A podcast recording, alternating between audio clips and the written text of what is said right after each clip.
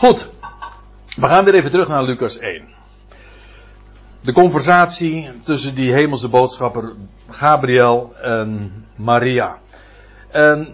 Die geeft nu antwoord op haar vraag. Want de vraag was dus: hoe zal dit geschieden? Eh, hoe zal dit geschieden? Dewijl, hè, omdat ik geen man beken. En de boodschapper die antwoordde en zei tot haar: Heilige Geest zal op jou komen. En kracht van de Allerhoogste. Synoniem, dat is, nee, is niet synoniem, dat is parallel. Hè? Dat zijn twee parallele zinnen. Heilige Geest zal op jou komen, oftewel de kracht van de Allerhoogste zal jou overschaduwen. Zodat de Heilige Geest, dat is de kracht van de Allerhoogste. En die zal jou, ja, die zal op jou komen, zal jou overschaduwen. En die, dat woord, dat komen we uh, nog eens een keer tegen. Ja, op, bij verschillende gelegenheden. Maar ik wil nu op een andere, op een bijzondere schriftplaats wijzen. En dat is Psalm 139. Jij haalde het zojuist ook al eventjes aan, Walter. Eerder. Of Psalm 139, toch? Ja, eerder in het gesprek. Of ben je dat alweer vergeten? Nou ja, in ieder geval. Psalm 139. U weet wel, dat is die psalm die gaat over de wijze waarop een mens is uh, gebouwd en gevormd in de moederschoot. Nou wordt er meestal gezegd van ja, dat gaat over de mens in het algemeen. En dat, ik zeg niet dat dat daar niet op van toepassing is, maar ik geloof dit ook. Deze psalm is een profetische psalm en is gecomponeerd en geschreven door David, maar het spreekt, zoals alle psalmen, van de zoon van David. Nou, en dan wordt daar gezegd, in Psalm 139, door David, uh, in vers, vers 13, en door David, maar het zijn de woorden van de zoon van David. Want u hebt mijn nieren verworven. En u overschaduwde, heb je dat woord. U overschaduwde mij in de buik van mijn moeder. Ik juich u toe omdat u mij, en ik lees het nu eventjes uit de, zoals het letterlijk staat. Ik juich u toe, omdat u mij ontzagwekkend hebt onderscheiden. Wonderbaarlijk zijn uw daden, mijn ziel weet dat buitengewoon. Dit zijn de woorden die David profetisch sprak, maar het zijn de woorden van de zoon van David. En op hem is dit in de meest bijzondere en in de volste zin van het woord waar. Natuurlijk, je kunt zeggen van de wijze waarop een zaadcel, eicel, de hele wijze waarop de, de, de vorming van een mens in de moederschoot is een godswonder. Daar doe ik uiteraard niets van af. Maar de wijze waarop Psalm 139 daarover spreekt, gaat het in het bijzonder over de zoon van David, over de bijzondere, unieke, ontzagwekkende wijze waarop God hem gevormd heeft in de moederschoot van Maria. En lees het eens een keer met uh, die bril, vanuit dat oogpunt.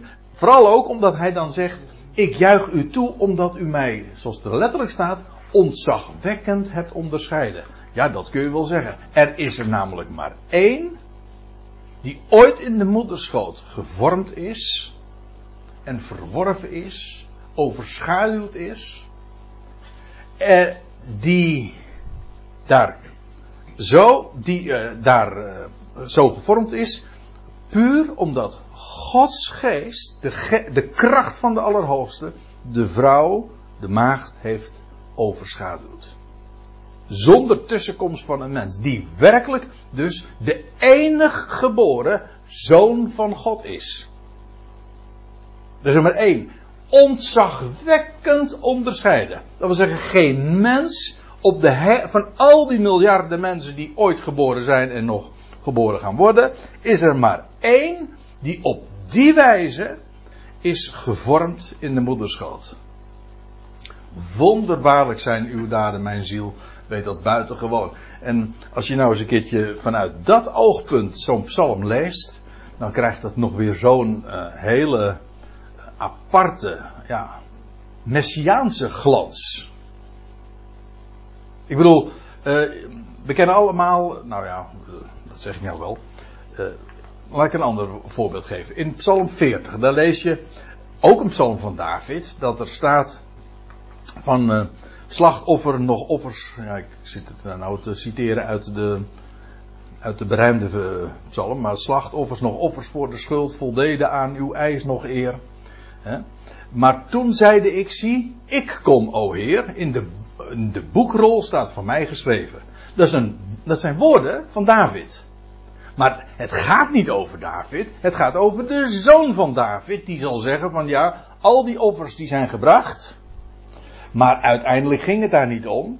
Het ging om mij, over wie in de boekrol al geschreven stond. En omdat de Heer Jezus heeft dat gelezen in de boekrol, in de schriften, in de Hebreeuwse Bijbel, en hij heeft dat gelezen, en toen heeft hij gezegd, zie hier ben ik, om uw wil te doen.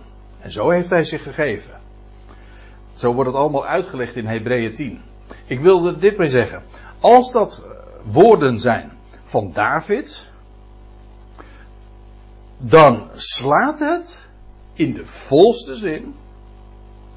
En feitelijk, als je het heel letterlijk leest, zelfs uniek gezien, uh, of uh, slaat het uniek op de, de zoon van David. Feitelijk is dit niet eens op een gewoon mensenkind, op u en mij van toepassing. Want zoals wij ter wereld gekomen zijn, mag dan wonderbaarlijk zijn. Maar wij zijn niet ontzag. Het is, ik kan niet zeggen, ik ben ontzagwekkend onderscheiden. Want alle mensenkinderen zijn namelijk zo in de moederschoot gevormd. Inderdaad, wonderbaarlijk. Maar er is er maar één die ontzagwekkend is onderscheiden door God. Overschaduwd. En deze waarheid van de maagdelijke geboorte, ook dat, u begrijpt, dat geldt voor elke bijbelse waarheid. Alle bijbelse waarheden, die zijn ontkend door geleerden van naam natuurlijk. En vooral als je dan nog theoloog bent ook. Want er zijn heel veel theologen die hebben deze waarheid allemaal van tafel geveegd. Dat kan toch niet? Hoe kan dat nou? Een maagdelijke geboorte. Ja. Ja, zo lust ik er nog wel een paar hoor. Trouwens, als we het er nou helemaal over hebben. Uh, de wijze waarop wij allemaal ter wereld gekomen zijn en de hele vorming van een embryo. Daarvan zou je toch eigenlijk zeggen, dat kan toch ook niet.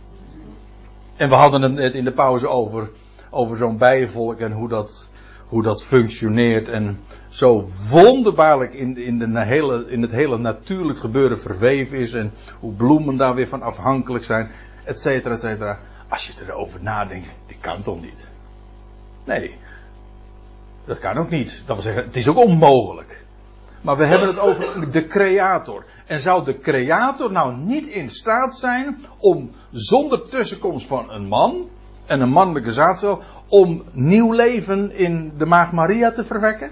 Dat is toch bizar dat hij dat niet zou kunnen. En dat mensen het in hun hoofd halen en zeggen, dat kan niet. En, maar je, je kunt er wel trouwens uh, goed betaald theoloog van worden hoor, daar niet van. Dat kan wel weer. ja. ja. Sorry? Het kietelt het oor. Het kietelt het oor, ja. Want dat, uh, mensen zeggen inderdaad van ja, nee, dat kan niet. Nee. Waarom kan het niet? Nou, het gebeurt toch nooit? Nee, precies, daarom is het ook zo uniek. Dus ja, nou ja. Uh, daarover uh, hoeven we ons verder niet druk te maken. Maar het, het is.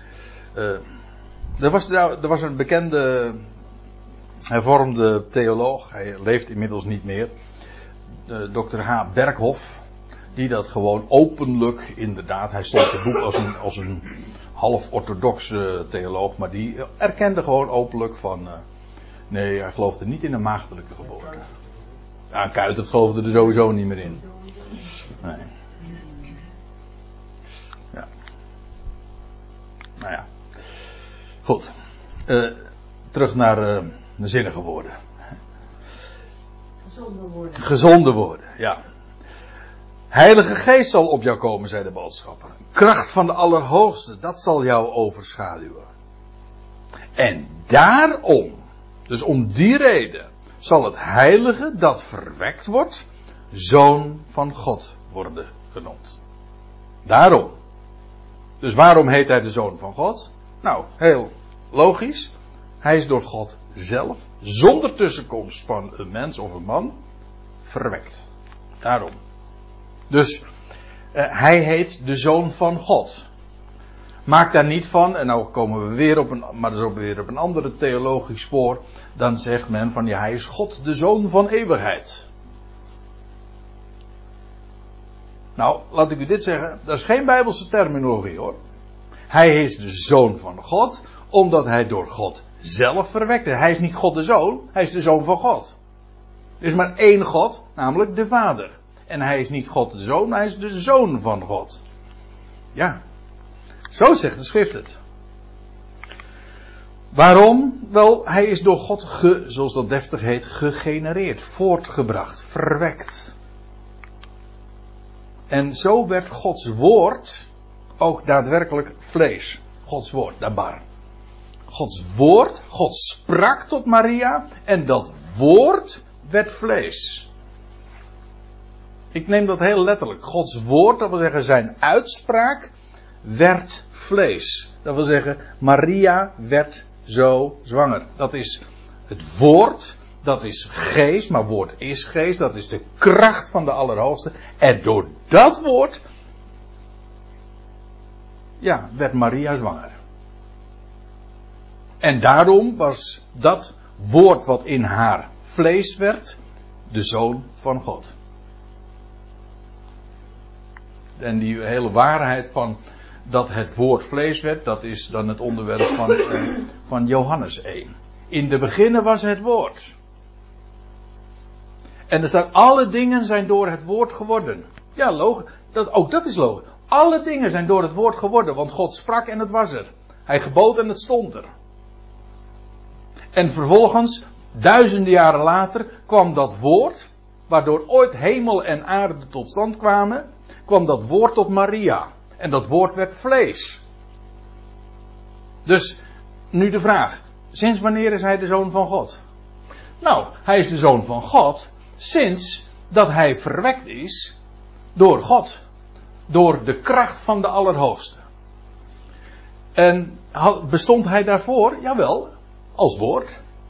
Het woord werd vlees. Dus wat was, daar, wat was hij voor voordat hij de zoon van God was? Nou was hij het woord. Dat is wat de schrift van den beginnen. In de beginnen was het woord.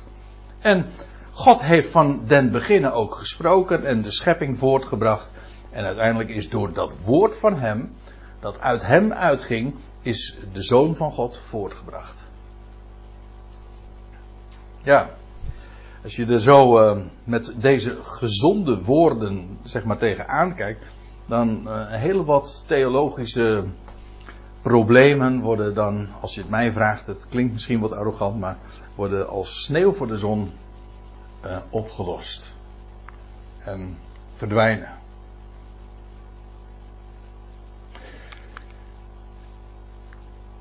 De boodschapper gaat voort in vers 36. Hij zegt nee waar. Elisabeth, jouw verwante. Ja, dat is wel uh, weer een vraag. Vorige keer hebben we het er al even over gehad. Over die kwestie waar wij het ook wel eens over gehad hebben, Aard. We moeten het er nog maar eens een keer over hebben, want je hebt die stencils toen aan mij gegeven. Uh, maar in ieder geval, uh, de conclusie die ik getrokken heb, dat in ieder geval één ding is zeker. Uh, Jozef kwam uit het, huis van, uit het huis van David, maar ook Maria ehm, is nou, mijns inziens, laat ik het bescheiden zeggen, was wel degelijk uit het huis van David. Maar zij, Elisabeth, die een, uh, uit de stam van Levi was, net als haar man. Hoe kan zij dan een verwante zijn? Dat kan ik maar op één manier verklaren. En dat is dat Maria's, uh, een van haar ouders, en waarschijnlijk dan haar moeder, uh, kennelijk Levitisch was. Herinner je je nog trouwens dat ik het eerder in, voor de pauze over, over dat prins, die prins Joas had? En die prins, Joas, die had een tante. Die prins was dus uit het huis van David, dus van de stam van Juda. Maar hij had een tante, Jehosheba, maar dat was van de stam van Levi. Dus kan, daar, ook daarin zie je dus een link met de, met de Testamentische geschiedenis. Dus uh, die stammen, die waren niet. Het is niet zo van dat. Oh, het ene komt uit de stam van uh, Juda. En de andere komt uit de stam van Levi. Die hebben niks met elkaar uh, gemeen. Dat, dat hoeft helemaal niet. Want in dit geval. en trouwens, het was ook helemaal niet zo dat men niet met elkaar mocht trouwen. Het was niet zo dat de ene stam gescheiden moest blijven van de andere stam. Daar was geen enkele bepaling voor. Elisabeth, jouw verwante, die is ook bevrucht van een zoon in haar vergrijzing.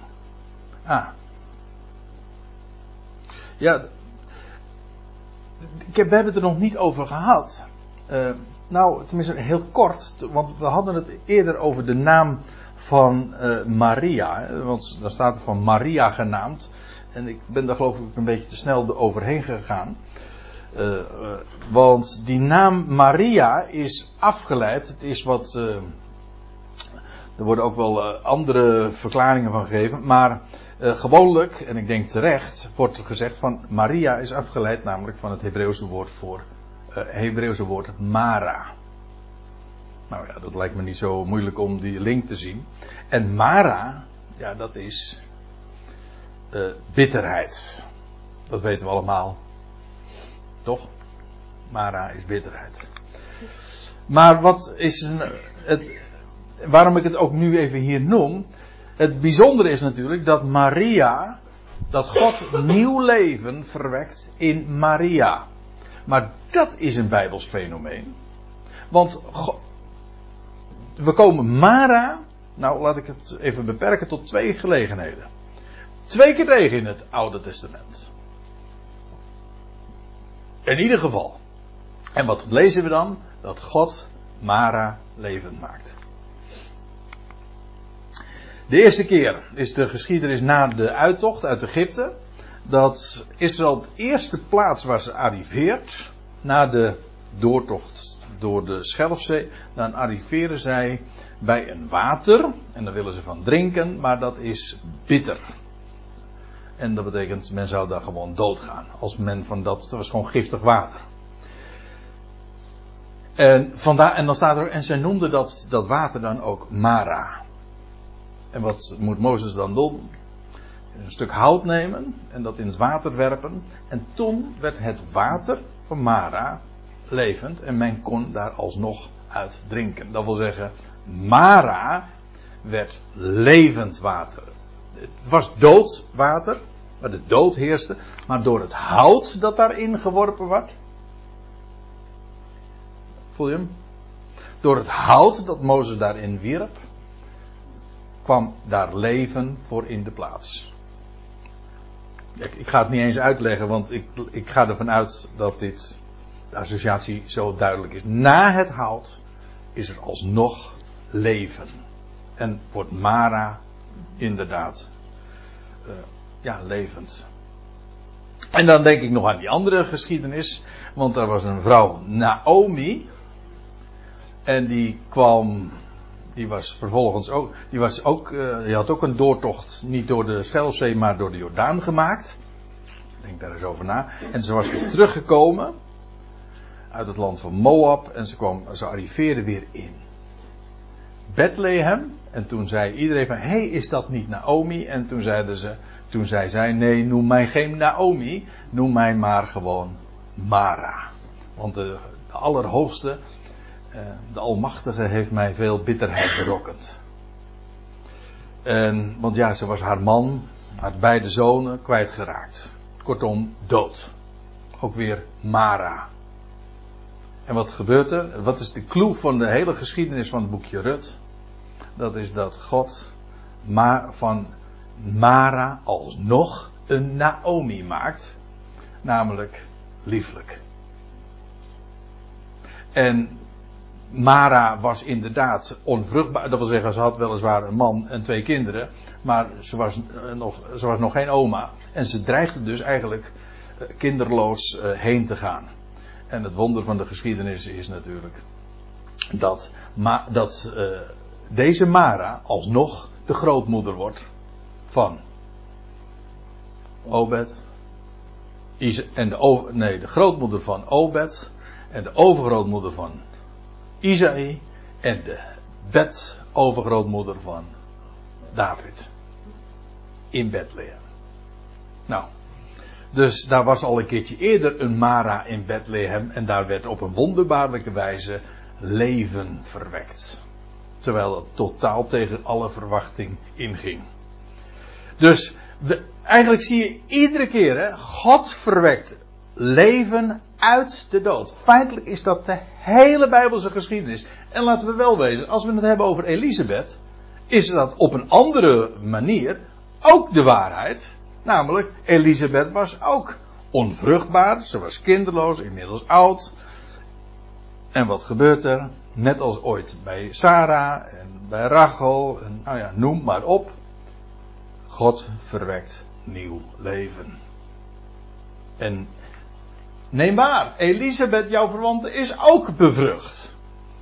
En zowel in het geval van Elisabeth als in het geval van Maria was dat op een wonderbaarlijke wijze door goddelijk ingrijpen. Hij bevrucht, dat wil zeggen, hij, hij brengt vrucht, nieuw leven voort. Feitelijk is dat het hele verhaal van de hele schepping. Het gaat allemaal om voortplanting. Hoe nieuw leven verwekt wordt. En we hadden het over de, over de bijen. Hè? We noemen het ook zo, de bloemetjes en de bijtjes. Eigenlijk de hele schepping gaat allemaal over de bloemetjes en de bijtjes. Over hoe er nieuw leven verwekt wordt. Ja, dat is noodzakelijk, want in de hele schepping heerst de dood.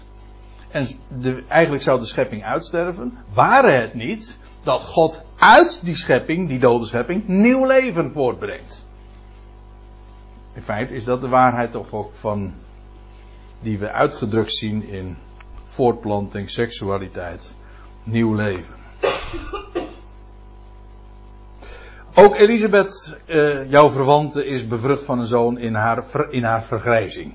Waarmee maar weer gezegd wordt, dat kan eigenlijk helemaal niet naar de mens gesproken. En dit is voor haar de zesde maand. Zij die onvruchtbaar genoemd wordt. En ik had de vorige keer al beloofd dat ik daar nog even op terug wilde komen. We gaan niet snel, dat geef ik toe, maar ik kan het niet nalaten om daar toch even op te wijzen. Want. Nou. Uh, nee. Zij. Op het moment dat Maria zwanger wordt. Dan is Elisabeth inmiddels al een half jaar zwanger. Dit is voor haar de zesde maand, zij die onvruchtbaar genoemd wordt. Toch? Dus Johannes de Doper en de Heer Jezus, die schelen een half jaar. Ze zijn familie, de een, maar de een is priesterlijk, uit de stam van Levi, de ander is koninklijk, uit de stam van Juda. En ze schelen een half jaar. En dit is, eh, ja, dat verzin je dus niet, maar dit is ook weer typisch zo'n geweldige uh, Bijbels. Want wat zie je hier? Israël heeft namelijk, ik weet niet of u daar iets uh, wel, uh, van weet, heeft twee kalenders. Ze zeggen dan, we hebben, ze hebben een kerkelijke kalender, zo zouden wij het zeggen, een godsdienstige kalender, maar eigenlijk een priesterlijke kalender en ze hebben een koninklijke kalender. Men zegt dan van een godsdienstige en een burgerlijke. Maar dat is, betekent dus een, een priesterlijke kalender en ze hebben een koninklijke kalender. En wat is het verschil? Ja, die had je natuurlijk nu kunnen bedenken. Zes maanden. Ik zal even vertellen hoe dat zit. De twaalf maanden van het jaar. En dan lees je in dat vanaf de uittocht, dat staat in Exodus 12 vers 1, terwijl het inmiddels ik ga dat nu verder allemaal niet aantonen, want dat is nog een, uh, dat is een vrij uitgebreid verhaal. Het was, het was de zevende maand. En nou zegt God. Dit zei u, op het moment dus dat, dat lam geslacht moet worden en dat paascha en voorafgaand aan de uittocht. Dit zei u de eerste der maanden. Ze waren dus halverwege de maand, de, halverwege het jaar. Maar nu zegt God, vanaf nu is dit de eerste der maanden. Hé, hey, dat betekent dus het was de zevende maand. Nou wordt het voortaan de eerste. Maar dat betekent dat je twee kalenders krijgt. Toch? En dat, uh, ik, weet niet of je dat wel eens is opgevallen. Maar uh, Israël viert nieuwjaarsdag halverwege het jaar. In de zevende maand namelijk. In najaar. Dat komt omdat het uh, verschoven is. Toen ooit in de zevende maand, dat werd voortaan de eerste. De, en dat betekent ook dat uh, ja, die zevende maand gold voortaan als de eerste van de maanden. En dat betekent dat de priesterlijke telling voortaan voorop ging lopen. Dat werd de eerste der maanden. En men vierde. Um, en dat betekent, ja, als je dus doorrekent, als de twaalfde maand dan overeenkomt met de zesde, dat betekent dat dit dus eigenlijk gewoon de zevende is. Zie je? Ja, ik weet niet of, of u er nog bij bent. Maar uh, je krijgt, nou, wat ik laat ik het gewoon zo samenvatten. Je hebt die twee kalenders en die schelen een half jaar. Je hebt een koninklijke kalender en een priesterlijke kalender. En de priesterlijke kalender, die is voorop gekomen. Dat wil zeggen, is eigenlijk ertussen geschoven. Mensen, dat is gewoon het hele Bijbelse uh, verhaal, of het verhaal van het Nieuwe Testament. De koning komt er wel, maar eerst de priesterlijke. En die schelen een half jaar. En dat zie je dus bij Johannes de Doper ook weer. De priesterlijke. Is eerst. Daarna de koninklijke. Eerst hij uit het huis van Levi. Daarna hij die uit het huis van Juda komt. Er zit trouwens uh, nog iets. En dat zeg ik uh, dan nog eventjes bij. Zeg maar een soort van toegift. Want je hebt uh, Aaron. Weet u wanneer die stierf? Die stierf vlak voordat Israël het land inging. En dan staat er, het was, die stierf in hetzelfde jaar als Mozes, alleen een half jaar eerder. Een half jaar eerder. Het is, het, het, je kunt zo narekenen of uh, nazien. En dan zie je ook weer, Aaron is de priesterlijke. Mozes, die gaf leiding aan het volk. Die kwam weliswaar uit het huis van Levi, maar die gaf leiding als een koning. Hè, die gaf politiek leider van het volk. Dus de een vertegenwoordigt de, de priesterlijke lijn en de ander vertegenwoordigt de koninklijke lijn. En hun sterfdatum scheelt inderdaad een half jaar. Dus ja, nou kun je de vraag uh, kun je natuurlijk zeggen, ja, dat is toevallig. Nee, maar dit is, uh, dit zijn lijnen die je zo in de schrift uh, vindt vermeld. Het aardige is ook, dit wordt niet eens uitgelegd. Hè?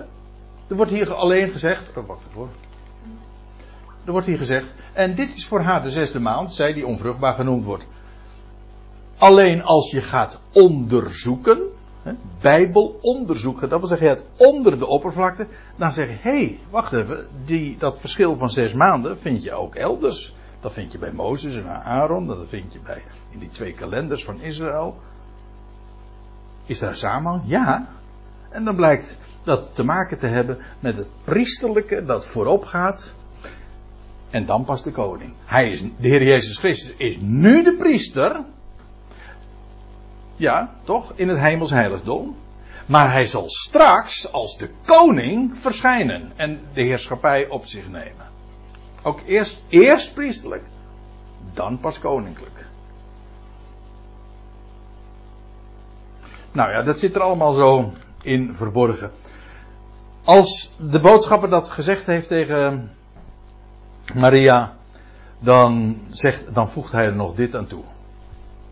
En dat is voor iedereen die in ongeloof hierop reageert, lijkt mij een, een geweldige, geweldige aansporing. Als je mocht denken, ik kan niet, dan zegt hij, want niets zal onmogelijk zijn bij elke uitspraak van God. Kijk, dit mag naar de mens dan onmogelijk zijn, dat is waar. Maar als God het zegt, zijn woord is leven. Dan gebeurt dat gewoon. Niets zal onmogelijk zijn bij elke uitspraak van God. En ja, de geboorte van Johannes en die van de Heer Jezus, naar de mens gesproken waren ze onmogelijk. Nee, maar God spreekt het. God heeft gesproken en dat is genoeg. En dus gebeurt het. Gegarandeerd. En dan kun je gewoon op blind varen. En Maria die hoort dit. Maria nu zei, neem waar. De slavin van de Heer. De slavin. Dat wil zeggen, ik ben geheel ter beschikking van, ja, van u. En dus u doet aan mij wat u zegt. En wat u wil. De slavin van de Heer. Mogen mij geschieden naar uw uitspraak. Mogen mij geschieden, staat er in de uh, staat een vertaling. Mogen mij geschieden naar uw woord. En zo spreekt zij en dan vervolgens, ja, de boodschapper heeft nu inderdaad zijn boodschap achtergelaten. Dit heb ik te melden tegen jou. En Maria die zegt, amen. Mij geschieden naar uw woord, u zegt het. En dus gebeurt het. Ja, kan niet missen. En dan meteen komt Maria in actie. Maria nu stond op in deze dagen. Het kan nooit langer daarna geweest zijn. Dat blijkt wel, want er staat er. En ze ging met spoed naar het bergland. Naar een stad van Juda. Ze ging met spoed. En we weten, later lezen we dat in hoofdstuk in, in vers 56. Want ja, is een, wel wat al eerder gememoreerd. Het is, een het, is het langste, vers, eh, langste hoofdstuk eh, van, eh, van het hele Nieuwe Testament. En pas in vers 56 dan lees je ook dat zij drie maanden bij Elisabeth verblijft. Ze gaat nu, op, ze gaat nu naar haar, ja, wat het precies geweest is, weet ik niet, tante, nicht, in ieder geval een verwante. En ze gaat daar naartoe en ze ging met spoed, naar het bergland, naar de stad van Juda. En ze blijft dan inderdaad drie maanden bij Elisabeth. Ja, maar dat betekent dus dat inmiddels uh, Johannes dus geboren gaat worden. Ze blijft dus tot aan de geboorte van Johannes.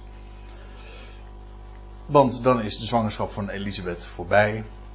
En uh, dan keert ze weer terug naar, uh, naar Juda. Eh, pardon, naar Galilea. Om vervolgens trouwens weer een reis te maken. Want als ze dan weer teruggekeerd is. nou ja, dat zou nog even duren natuurlijk. Maar dan zou ze weer naar Bethlehem moeten gaan. Maar dat is inderdaad wat later. Maria stond op in deze dagen. Ze ging met spoed naar het bergland in de stad van Juda. Ja, ja. Eigenaardig, hè? Deze Elisabeth en Zacharias, priesterlijk. Ze wonen in een stad van Juda. Dat is dan weer koninklijk. En, maar het was ook in het bergland. De hoogte. En ze kwam binnen in het huis van Zacharias. En ze groette Elisabeth. Dat de reis van, eh, van Nazareth naar een plaats, welke dat is geweest, dat weten we niet. Maar de priesters die woonden meestal in de omgeving van, van Jeruzalem, dat is logisch, want dat was hun werkterrein. En hoe lang dat geweest is, maar dan ben je toch een paar dagen wel bezig. 150 kilometer. 150? Ja, dat hangt er natuurlijk ook een beetje vanaf waar je. In, ja, ja. Ja, ja. Ja. Nou ja, loop het maar eens even. Hè? En dan niet in het vlakke Nederland. Nee, maar dan moet je gewoon. In ieder geval, zij ging daar uh, naartoe. En ze kwam binnen in het huis van Zacharias. En ze groette Elisabeth. En dit is eigenaardig. En het blijft eigenaardig. Hè? En het geschiedde.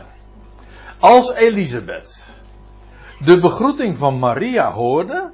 Dat de baby, en nou lees ik het zoals het echt staat. Dat de baby huppelde in haar buik. Ze sprong op, staat er dan in de MBG-vertaling. Maar er staat eigenlijk gewoon een woord voor huppelen.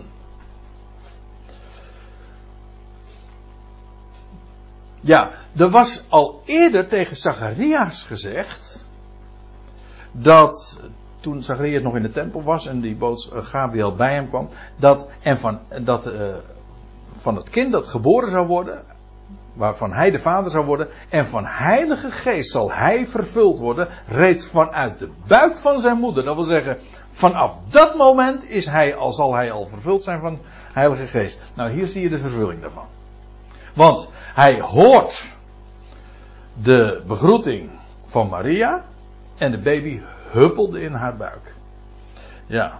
Ik, dit woord, wat hier gebruikt wordt, komen we drie keer tegen in het Nieuwe Testament. Drie keer in, uh, in het Evangelie naar Lucas. Eerst, uh, nou hier dus, in vers 41, een paar versen later ook weer. Dan staat er, want neem waar, toen het geluid van jouw begroeting in mijn oren klonk, huppelde baby in gejubel in mijn buik. Dat zegt uh, dan Elisabeth tegen Maria. En later komen we het nog een keer tegen in hoofdstuk 6. Dan staat er: Verheug je in die dag en huppel. Want neem waar. Ja.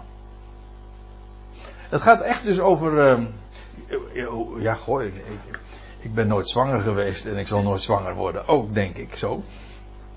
Maar. Uh, dat moet toch een bijzondere ervaring geweest zijn voor de moeder Elisabeth. Sowieso was de zwangerschap was al een bijzondere ervaring voor haar.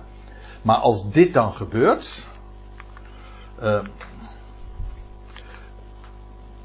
Ik, kom, ik kom er straks nog, ja, nog even op terug. Een moment. En er staat er. En Elisabeth werd vervuld van Heilige Geest. Op het moment dat ze die begroeting dan verneemt. nou, laat ik het nu al zeggen. Feitelijk komt het erop neer. Johannes. Prenataal zal ik maar zeggen verneemt het woord. En hij herkent het meteen. Voor de geboorte herkent hij het woord al. Namelijk van als maar de, de moeder van uh, de Messias uh, daar binnenkomt. En ja, huppelt hij in de buik, hoe dat dan verder ook opgevat moet worden. En, en Elisabeth is helemaal daarvan versteld, want er staat, en ze werd vervuld van Heilige Geest. En ze riep uit met luide stem en zei, gezegend word je, word je te midden van vrouwen. En gezegend wordt de, de vrucht van jouw buik. Gezegend, dat wil zeggen, eulogia. Dat betekent eigenlijk, uh, er wordt wel van jou gesproken. Er wordt goed van jou gesproken in feite, en Elisabeth is feitelijk degene die dat als eerste, als eerste doet. Toch? Maria, uh, Elisabeth, die, die zegent, haar spreekt wel van Maria. Hij zegt, en, maar ik ben niet, de, ben niet de enige, ik ben wel de eerste. Te midden van vrouwen. En gezegend wordt de vrucht van jouw buik. En dan vraagt ze, van waar is dit voor mij? Dat de moeder van mijn Heer naar mij toe komt.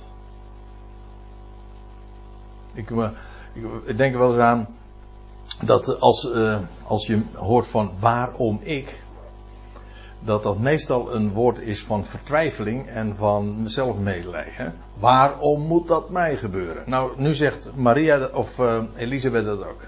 Waarom mij? Maar zij is juist verwonderd. Waar heb ik het aan te danken dat dit nu mij gebeurt? Van waar is dit voor mij dat de moeder van mijn Heer naar mij toe komt? Eigenaardig hè? Dat zij dat zo zegt. De moeder van mijn Heer. Waarom, waarom moeten denken? We hebben een idee. We hebben het er vorige keer nog over gehad. Over Psalm 110.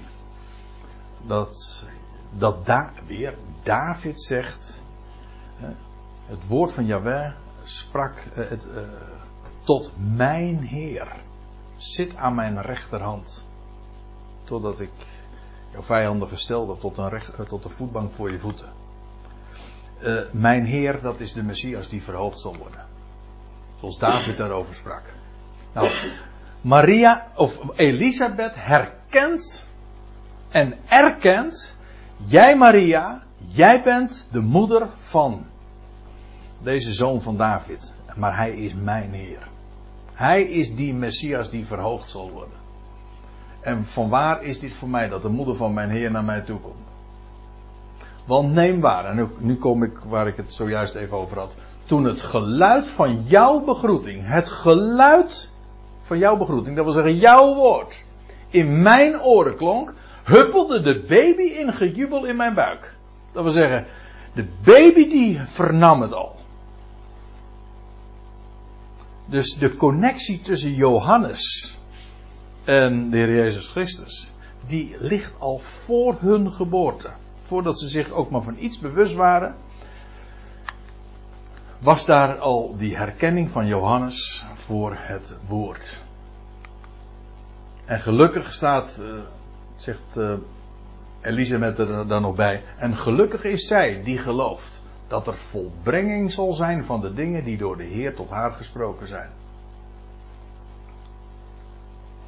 Wat uh, Maria had gezegd tegen de boodschapper: Mij geschiet naar uw woord. En nu zegt uh, Elisabeth: Gelukkig is zij die gelooft, jij dus, Maria, dat er zal volbrenging zijn van de dingen die door de Heer tot haar gesproken zijn. Dat wil zeggen, de Heer gaat volbrengen wat jij tot jou gesproken heeft. En jij bent gelukkig als je dat gelooft. Trouwens, en misschien is dat uh, een mooi woord om daar ook mee af te sluiten. Dat geldt voor ons allemaal, toch? Wat is echt geluk? Dat is dat je het woord verneemt en dat je daar amen op zegt en daar de vrede en het geluk en de blijdschap en de vreugde en het hoop daarvan ook daadwerkelijk beleeft. Iedereen die gelooft dat de Heer doet wat hij spreekt, is per definitie gelukkig. En dat doet hij. Hij gaat niet zeggen van, ja, maar hoe kan dat nou? Zou voor hem iets te wonderlijk zijn. En iets onmogelijk zijn om dat te doen. En ik stel voor dat we het eh, bij die mooie woorden die eh, Elisabeth sprak, maar zullen laten. En dan gaan we de volgende keer verder bij vers 46. Want dan neemt Maria het woord en dan gaat ze een gezang zingen. Nou ja, ik zeg zingen, dat weet ik eigenlijk niet. Zo kennen wij het dan, hè? de lofzang van Maria. Of ze het gezongen heeft, weet ik niet. Maar in ieder geval, ze spreekt het uit. En het zal als muziek in de oren van Elisabeth hebben geklonken. Dat dan weer wel.